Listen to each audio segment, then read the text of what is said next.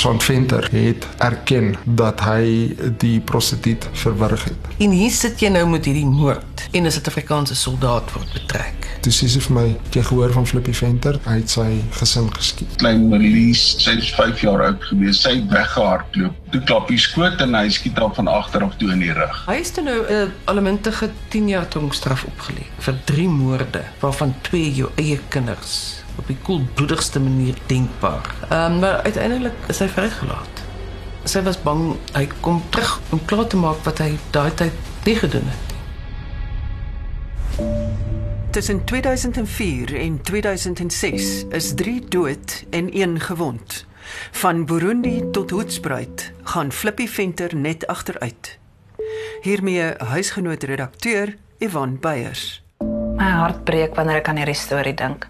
Dis die storie van Flippy Venter wat eers 'n 14-jarige meisie vermoor het terwyl hy 'n vredeswerker was in Burundi en toe 'n argument met sy vrou hier terug in Suid-Afrika, sy twee kinders doodgeskiet het en sy vrou gewond het. En ek dink so aan sy vrou wat nou jare later nog steeds moet leef met daardie pyn. My man het my kinders van my weggeneem. Dit is hy wat hulle dood veroorsaak het. In die jaar 2000 het Suid-Afrika betrokke geraak by die Arusha Vrede en Versoeningsooreenkoms in Burundi. As deel van die ooreenkoms wat ten doel gehad het om 'n einde aan die Burundi burgeroorlog te bring, is die Suid-Afrikaanse weermag na Burundi ontplooi om die veiligheid van alle partye te verseker. Voormalige beeldjoernalis Erika Gibson het deurlopend oor die saak berig. Sy was daagliks in die hof en het onderhoude met Flippie se familielede gevoer. 'n Mens moet verstaan waar die saak eintlik begin het. Burundi was die eerste vredesontplooiing waarby Suid-Afrikaanse soldate by betrokke was. Dit was destyds 'n inisiatief gewees van oud-president Nelson Mandela want hy was die vredemaker gewees in die vredesproses daar. Dit is die eerste keer ooit dat die dat die weermag direk in 'n in 'n vredesontplooiing ingegaan het en wat dit nog moeiliker gemaak het was dit Burundi kort voor die ontplooiing gebeur het. Was was hy eintlik nog in 'n in 'n staat van burgeroorlog gewees. Flippy was 'n sersant gewees in die lugmag. Sy agtergrond was in daai stadium suiwer militêr uit uit sy diensplig in die leer gedoen en toe hy later by die lugmag aangesluit. So hy was 'n uh, hy was 'n sersant gewees. Dit is 'n uh, dit is 'n senior onderoffisier. So hy het nou al 'n paar jaar die pad gestap. So dit was in daai tyd wat Flippy hier by 2002 het hy vir die eerste keer Burundi toe gegaan. So hy is so toe en want een van die hoofrolle wat wat die Suid-Afrikaanse soldate daar gespeel het was om die sleutelpersone in die vredesproses op te pas. En hy was by een van hierdie leiers se huise gestasioneer geweest. Hy was soort van 'n leibwag geweest vir vir die ou. In daai stadium het hulle lugmagbasis Hoedspruit gebly. Hulle dogtertjie was klein gewees, hulle seentjie was 'n baba gewees. So dit kon ook nie vir haar baie maklik gewees het nie. Op 20 September 2004, ongeveer 2 jaar na Flippie se eerste aankoms in Burundi, word die lijk van 'n 14-jarige meisie genaamd Therese Nkeshimana in 'n sloot naby sy verblyf ontdek. Na die dood van haar ouers het Therese oorleef deur 'n inkomste te verdien as 'n sekswerker. Ons weet dat Flippy was uh, in daai stadium afgewees en dat hy en Therese het mekaar ehm um, 'n 'n transaksie be, bewimpel van soorte ooreengekom en dat hulle by die een hotel dit was net so oor in die basis gewees. Dit was eintlik 'n tipe van 'n hotel gewees wat nou later meer obskuur geraak het. So hulle daarso seks gehad die aand. Die taxi bestuurder het hulle by die hotel afgelaai en presies in watter volgorde alles uh, toe nou verder gebeur het, dit het gewissel van getuie tot getuie. Maar die feit van die saak is hulle was toe nou te voet gewees in 'n stadium toe die argument oor nog omgang die aand ontstaan het. En die vermoede is dat sy gesê het, "Maar jy weet, jy het net vir een keer betaal." En toe het hy kwaad geword vir haar en toe het hy haar gegryp en uit haar gewig versmoor uit haar vermoor. Sy was 'n fyn, fyn dingerige meisietjie van 14. Flippie was 'n stewige ouetjie gewees. Dit sou nie veel krag gekos het om daai dun mensie te vermoor nie. Want sy was letterlik nog 'n kind gewees. En sy het albei haar ouers in die in die burgeroorlog in Burundi verloor. Maar sy moes noodwendig 'n lewe gaan maak toe nou uit prostitusie. Prostitusie was daai tyd aan die orde van die dag. Ja, dit is 'n algemene verskynsel met vredesoperasies.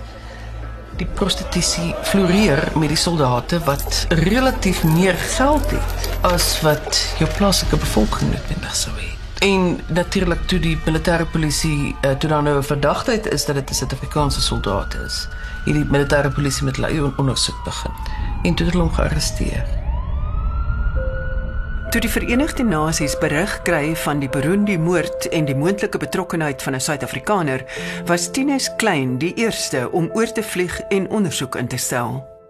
Ek is tans 'n praktiserende advokaat, deel van die Pretoria se Society of Advocates. Voor dit was ek vir 22 en 'n half jaar by die Suid-Afrikaanse Nasionale Weermag se regsafdeling gedurende 2004 toe die insident plaasgevind het met uh, eh, sergeant Flippy Venter was ek die senior aanklaer. Dit was in September 2004, reg aan die begin.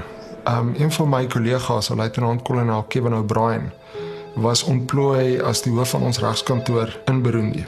En hy het my gekontak en gesê daar's in die Verenigde Nasies se kantoor gerapporteer dat 'n Burundiese dame oftewel 'n prostituut doodgevind is langs 'n pad en daar 'n moontlikheid is van die betrokkeheid van 'n Suid-Afrikaner. En ek is toe instruksie gegee deur die direkteur militêre vervolging om op te vlieg Burundi toe om die saak verder te gaan hanteer en om te kyk wat presies daarin gaan.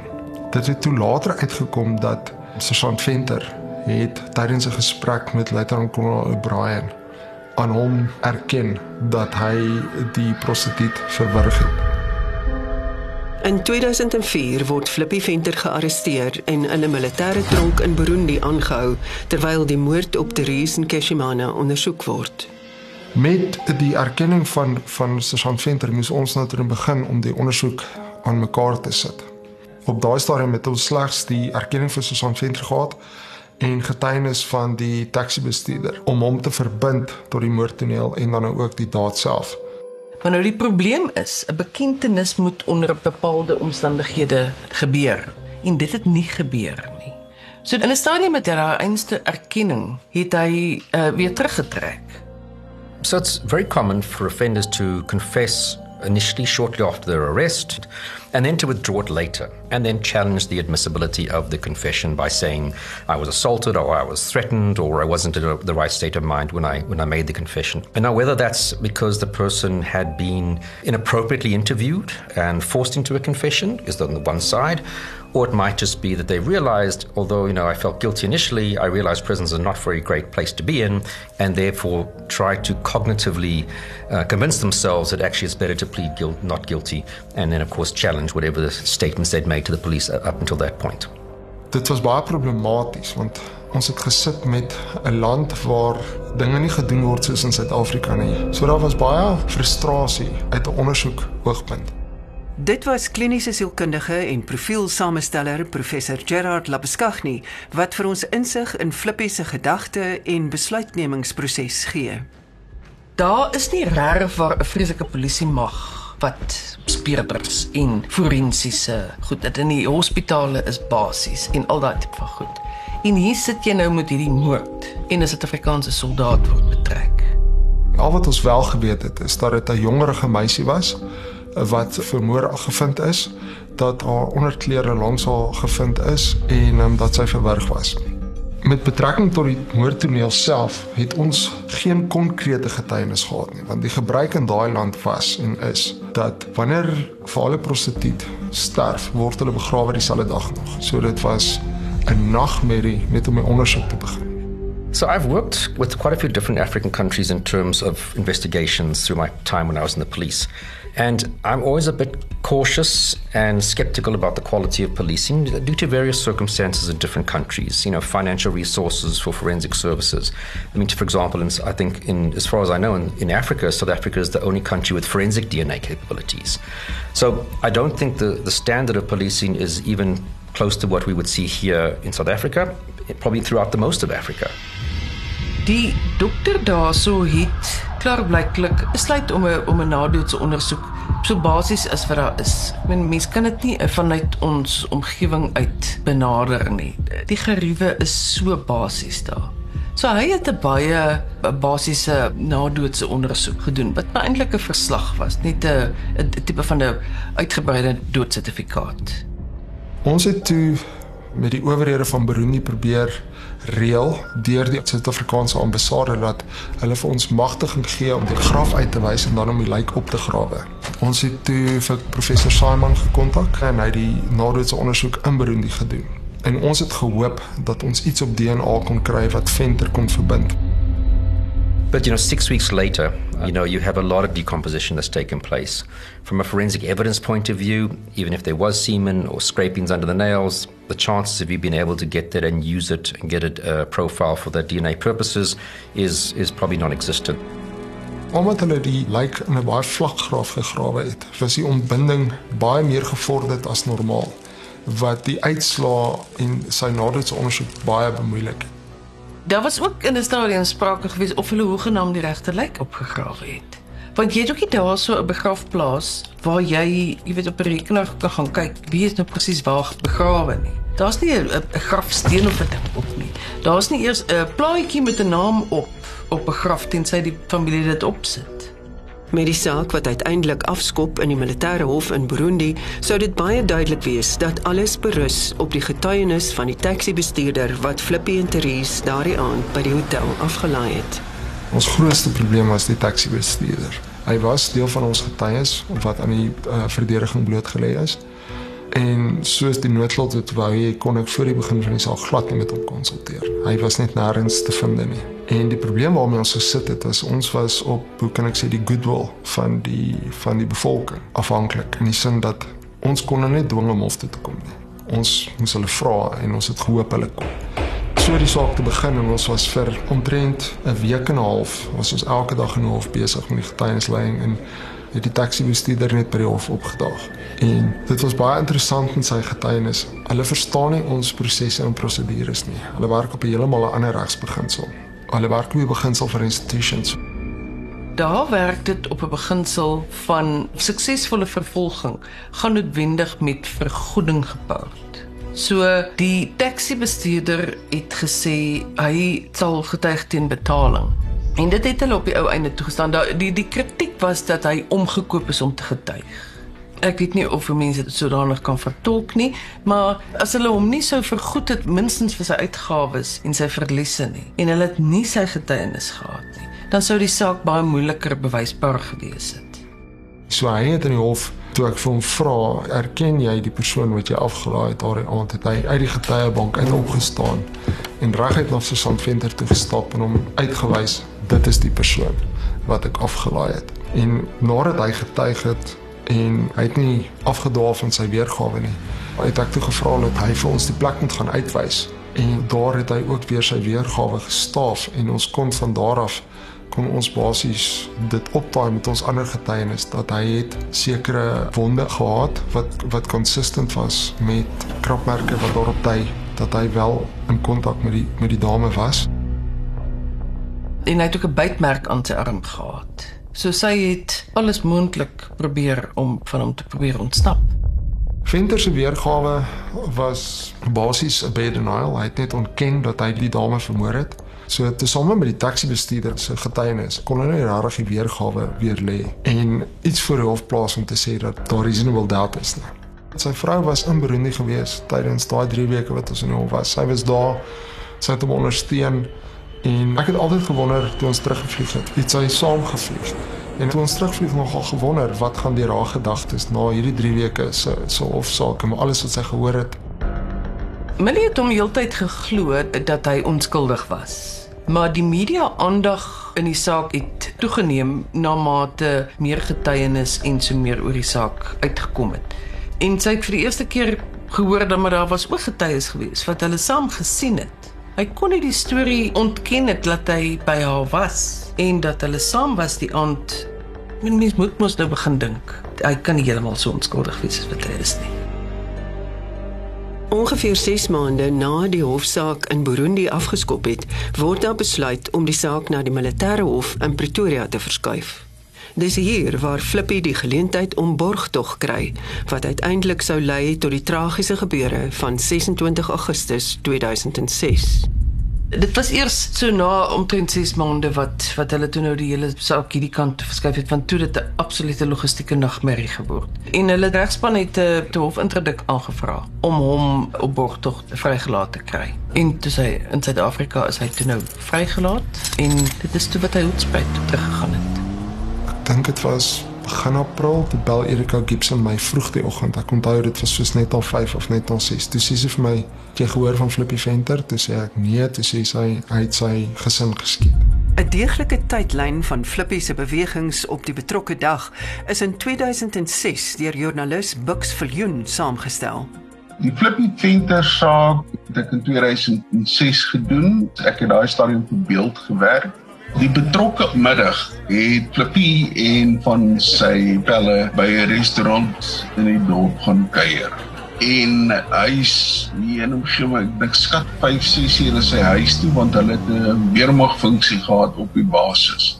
En hy het familie opgelaai en ek dink die bediening het na die kinders gekyk in daai stadium en hulle twee is na die funksie toe waar hy natuurlik toe nou sy drinkie spree oorgesit het dit lyk vir my hy het relatief 'n goeie drankprobleem gehad. Ek dink maar as gevolg van al die probleme wat rondom hom gelê het. En uh, in 'n stadium het hy weggeraak by die party en ehm um, toe kry sy vrou hom buitekant die klub selfs sementbankies toe lê hy op die sementbankie en slaap. En ek is nie presies seker hoe laat die aand nie het sy hom toe nou gaan wakker maak en hulle is in elk geval toe nou huis toe. En toe ontstaan daar 'n stryery in die twee. Die argument het by die funksie begin nadat sy met die einste kolonel vir wie sy gewerk het, gedans het. Flippie dit as 'n flirtasie vertolk en toe hulle toe nou huis toe is, toe is dit nou een of ander huisgeveg. Sy sê toe vir hom, jy weet as as hy sou skuldig bevind word, dan gaan sy die kinders vat en dan gaan sy hom los. En hy kon dit glad nie hanteer nie. Susan Silje is onmiddellik hoedspruit toe saam met die huisgenoot span om die storie te dek en die besonderhede te ontbloot. Dit lyk vir my omdat Flippy dalk 'n bietjie meer gedrink het as wat hy moes, het hy toe bietjie aggressief en agterdogtig geraak. Ek weet hy het al wel in die muur vasgedruk en dis toe sy 'n gapentjie kry om um, 'n um, boodskap te tik vir vriende net om te sê help. Die boodskap het bly haar sussie en ook by haar ma uitgekom. En ehm um, toe besluit sy gaan die kinders vat en hulle gaan nou vlug. En toe sy by hom verbyloop met die kinders aan die hand, en toe gryp hy vir Janko in die arm, 4 jaar oud, en hy blik hom terug in die huis en um, sy en Melise is uit by die deur en dis toe sy beskoot oorklap het in die huis en Millie het omgevlieg en gehardloop in die huis in. En toe sy in die huis ingaan, toe sien sy haar seentjie lê op die vloer, maar sy kon sien hy's leweloos, hy's reeds dood. Sy het na die geweer gegryp en in die proses het 'n skoot af en sy is deur die maag geskiet. En in daai stadium met klein Marlies, sy is 5 jaar oud gewees, het sy weggehardloop van die huis af. Hierdie deel is my verskriklike deel van die verhaal. Hy het blykbaar toe op sy hurke gaan sit en gekorrel soos wat jy op 'n die dier sal korrel wat jy jag. Die gasdeur was oop en hy het teen die raam gelê en dooier is gepat. Toe klap hy skoot en hy skiet haar van agter af toe in die rug. En sy het neergeslaan op die grond en Lise het hom toe gehardop en besef sy is dood en sy's terug in die huis in En dis waar Flip ja toe nou weer gegryp het en gesê het, "Sien jy wat jy nou gedoen het? Jy het nou gemaak dat ek my familie dood geskiet het." Sy het self beklei hom. Sy het hom in die nek gebyt. Ek sê nooit vergeet ook die eerste keer in die in die hof gesien het. Dit is 'n verskriklike pleister. Sy sy het, sy het hom met mening gebyt. En sy is toe nou by die huis uit en sy het gaan hulp soek by die bure met daai wond en al. Teen die tyd wat hulle toe nou kom om hom te arresteer, het hy sy polse gesny. So dit is letterlik toe nou 'n bloedbad die hele huis vol. En hy beweer hy het eers weer tot sy positiewe gekom toe hy in die in die hospitaal met sy twee verbinde polse lê en hulle vir hom sê hy het sy kinders geskiet. Ek het baie moordsake en lelike aspekte in my bedryf gesien en dis asof daar so 'n swanger stilte in die hof gehang het. Regtig het dit so half asof dit 'n respekbetoning teenoor die kinders was. Hy het niks geen emosie op sy gesig gehad. Hy het so half soos 'n zombie in die in die beskuldigde bank gesit. Wat ons van sy persoonlike lewe weet, is dat hy ongelooflik moeilik groot geword het. Drankmisbruik en aanranding was aan die orde van die dag. Sy suster het ehm um, in 'n stadium vir my gesê sy pa het hulle redelik hardhandig hanteer, nie net vir hulle as kinders nie, maar hy het spesifiek nogal op Flippie gefokus en dan sy ma. Ek het in 'n stadium met die ou tannie gepraat en dit was 'n baie stikkende mensie geweest verslae, so 'n soort van die aanslag van die lewe daar al redelik verinneweer. Maar Flippie en sy suster was uiteraard by na mekaar en hy het haar gebel van die toneel en hy het vir gesê hy het sy kinders geskiet. Ek het ook op die ou einde dat hy uh, het hy skuldig gepleit op die kinders geskiet. Die aanklagte wat aan hom gestel is, was twee van moord, een van poging tot moord, een van aanranding en dan die onwettige besit van vuurwapens en ammunisie hy gesê hy pleit maar skuldig maar hy kan glad nie onthou. Toe die regter beslis dat hy die klag van skuldig gaan hy verander na onskuldig. So as hy sê hy kan nie onthou nie dan moet die staat die saak bewys. One always has to be careful about the lack of memory. Firstly, it's a very easy thing to fake, a very easy way to sort of distance yourself from what you've done to say, I don't remember. But even so, even if it's a genuine inability to recall the event, it doesn't mean that at the time of the event, you weren't acting with intention, forethought, logic, and a presence of mind. The example I love to quote is how many of us haven't, as we're driving off in the morning to work or to drop the kids off at school, and you leave the house and you're halfway down the road and you think, Did I put on the alarm? Did I close the garage door? Did I turn the stove off? And invariably you realize that you actually did. Now, is that to say that you were not acting with any intent when you turned off the stove? So, recall has to be separated from not being in control of your behavior at the time of the act. Dit was 'n regtig kort en kragtige saak. Ek dink hy was 2 dae gewees. Flippie het nooit in sy eie saak tuig nie. Erik van der Merwe, die staatsaanklaer, het Emily geroep as getuie in die saak om te vertel hoe die skietery plaasgevind het. Dit was relatief traumaties want sy was obviously baie baie emosioneel. Sy het baie gehuil en verduidelik maar sy was baie sterk. Sy was 'n dam goeie getuie gewees. En um, oplettend was nogal dat Flippy geen emosie getoon het deur die proses en die verdediging het sy saak gesluit sonder dat Flippy getuig het. Die verdediging het vir Flippy geroep getuie bank toe om te getuig nie oor die voorval nie maar ter strafverkrachting daar het hy vir die eerste keer emosie getoon in die sin van dat hy ehm um, nou dat trane uit sy oë geloop en hy het gehuil maar maar die oomblik toe hy klaar getuig het sy terugkom toe sonder emosies en uh, Erik het vir hom gesê die berou wat jy daar staan en betoon is geensins berou nie.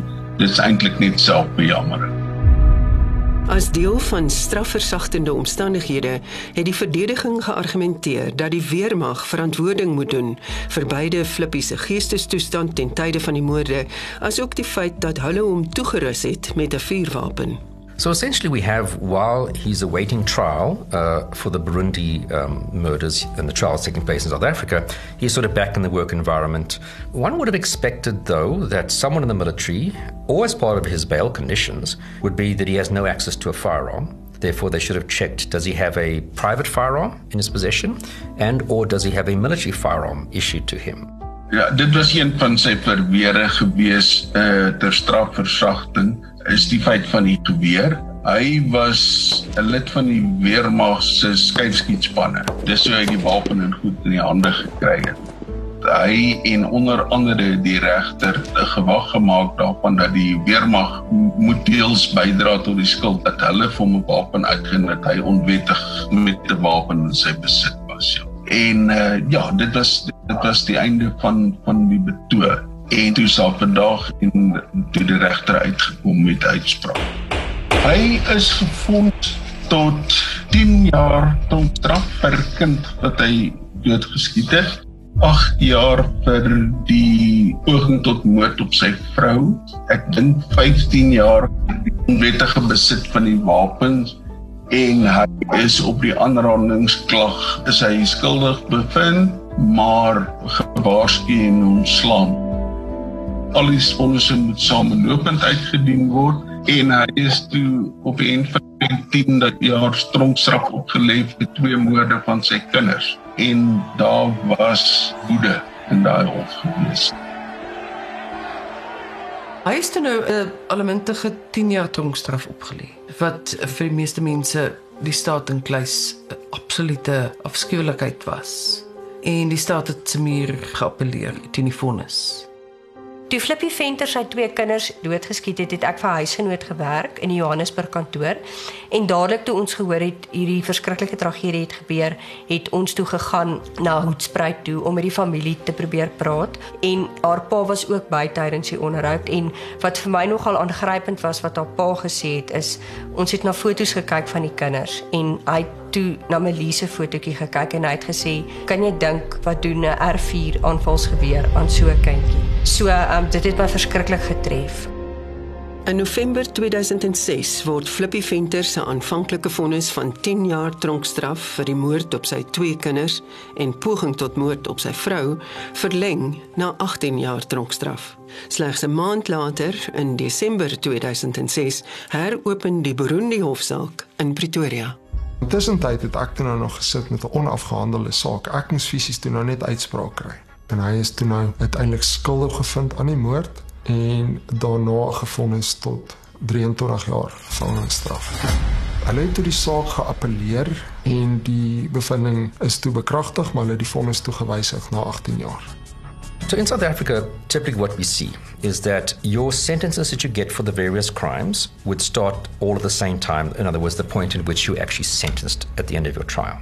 So you could perhaps say that he was just lucky and it was his benefit that essentially the second, the Burundi conviction ultimately didn't really change anything. He's going to serve those running at the same time. So you could basically say he scored a big luck in terms of how and when he was sentenced. Ironies, ek kry hy toe nou 24 jaar vir Therese se moord, maar 10 jaar vir sy twee kinders en poging tot moord op sy vrou gekry. Daarvan het hy effektiewelik 13 jaar tronkstraf uitgedien dat jy vir vir drie moorde waarvan twee jou eie kinders op die koelbloedigste manier denkbaar ehm um, so lig daarvan kon afkom. Ehm um, maar uiteindelik is hy vrygelaat en hy is 'n vry man vandag. Ek weet Malie het aansoek gedoen vir 'n beskermingsbevel want sy vrees nog steeds vir haar lewe, maar ja, sy het heeltemal van die map af verdwyn om haar lewe aan mekaar te probeer kry sy was bang hy kom terug om klaar te maak wat hy daai tyd nie gedoen het. My concern is, is we have sexual violence. We have violence against a stranger. This is another Burundi incident. Then we have violence against people who are the closest to him. One typically you would say you have the most love and care for, if, if anything, just for your children. It's not a good combination of violence and contexts of violence in terms of what he's done. Ek dink die oortuiging wat ter sprake was of die manier hoe hy opgetree het ten tye van beide insidente is waarskynlik hoe hy grootgeword het. Dit lyk alsof hy probeer het om vir sy vrou en vir sy kinders 'n beter lewe te gee en vir sy kinders meer stabiliteit te gee as wat hy gehad het. En ironies genoeg het sy vrees dat dit kon verdwyn uiteindelik dalk gelei tot hierdie tragedie. In 2006 het Flippy Venter sy vonnis begin uitdien. 17 jaar later probeer ons steeds sin maak van die gruwelsaak. Ek is Ruda Landman en dit was huisgenoot se ware lewensdramas.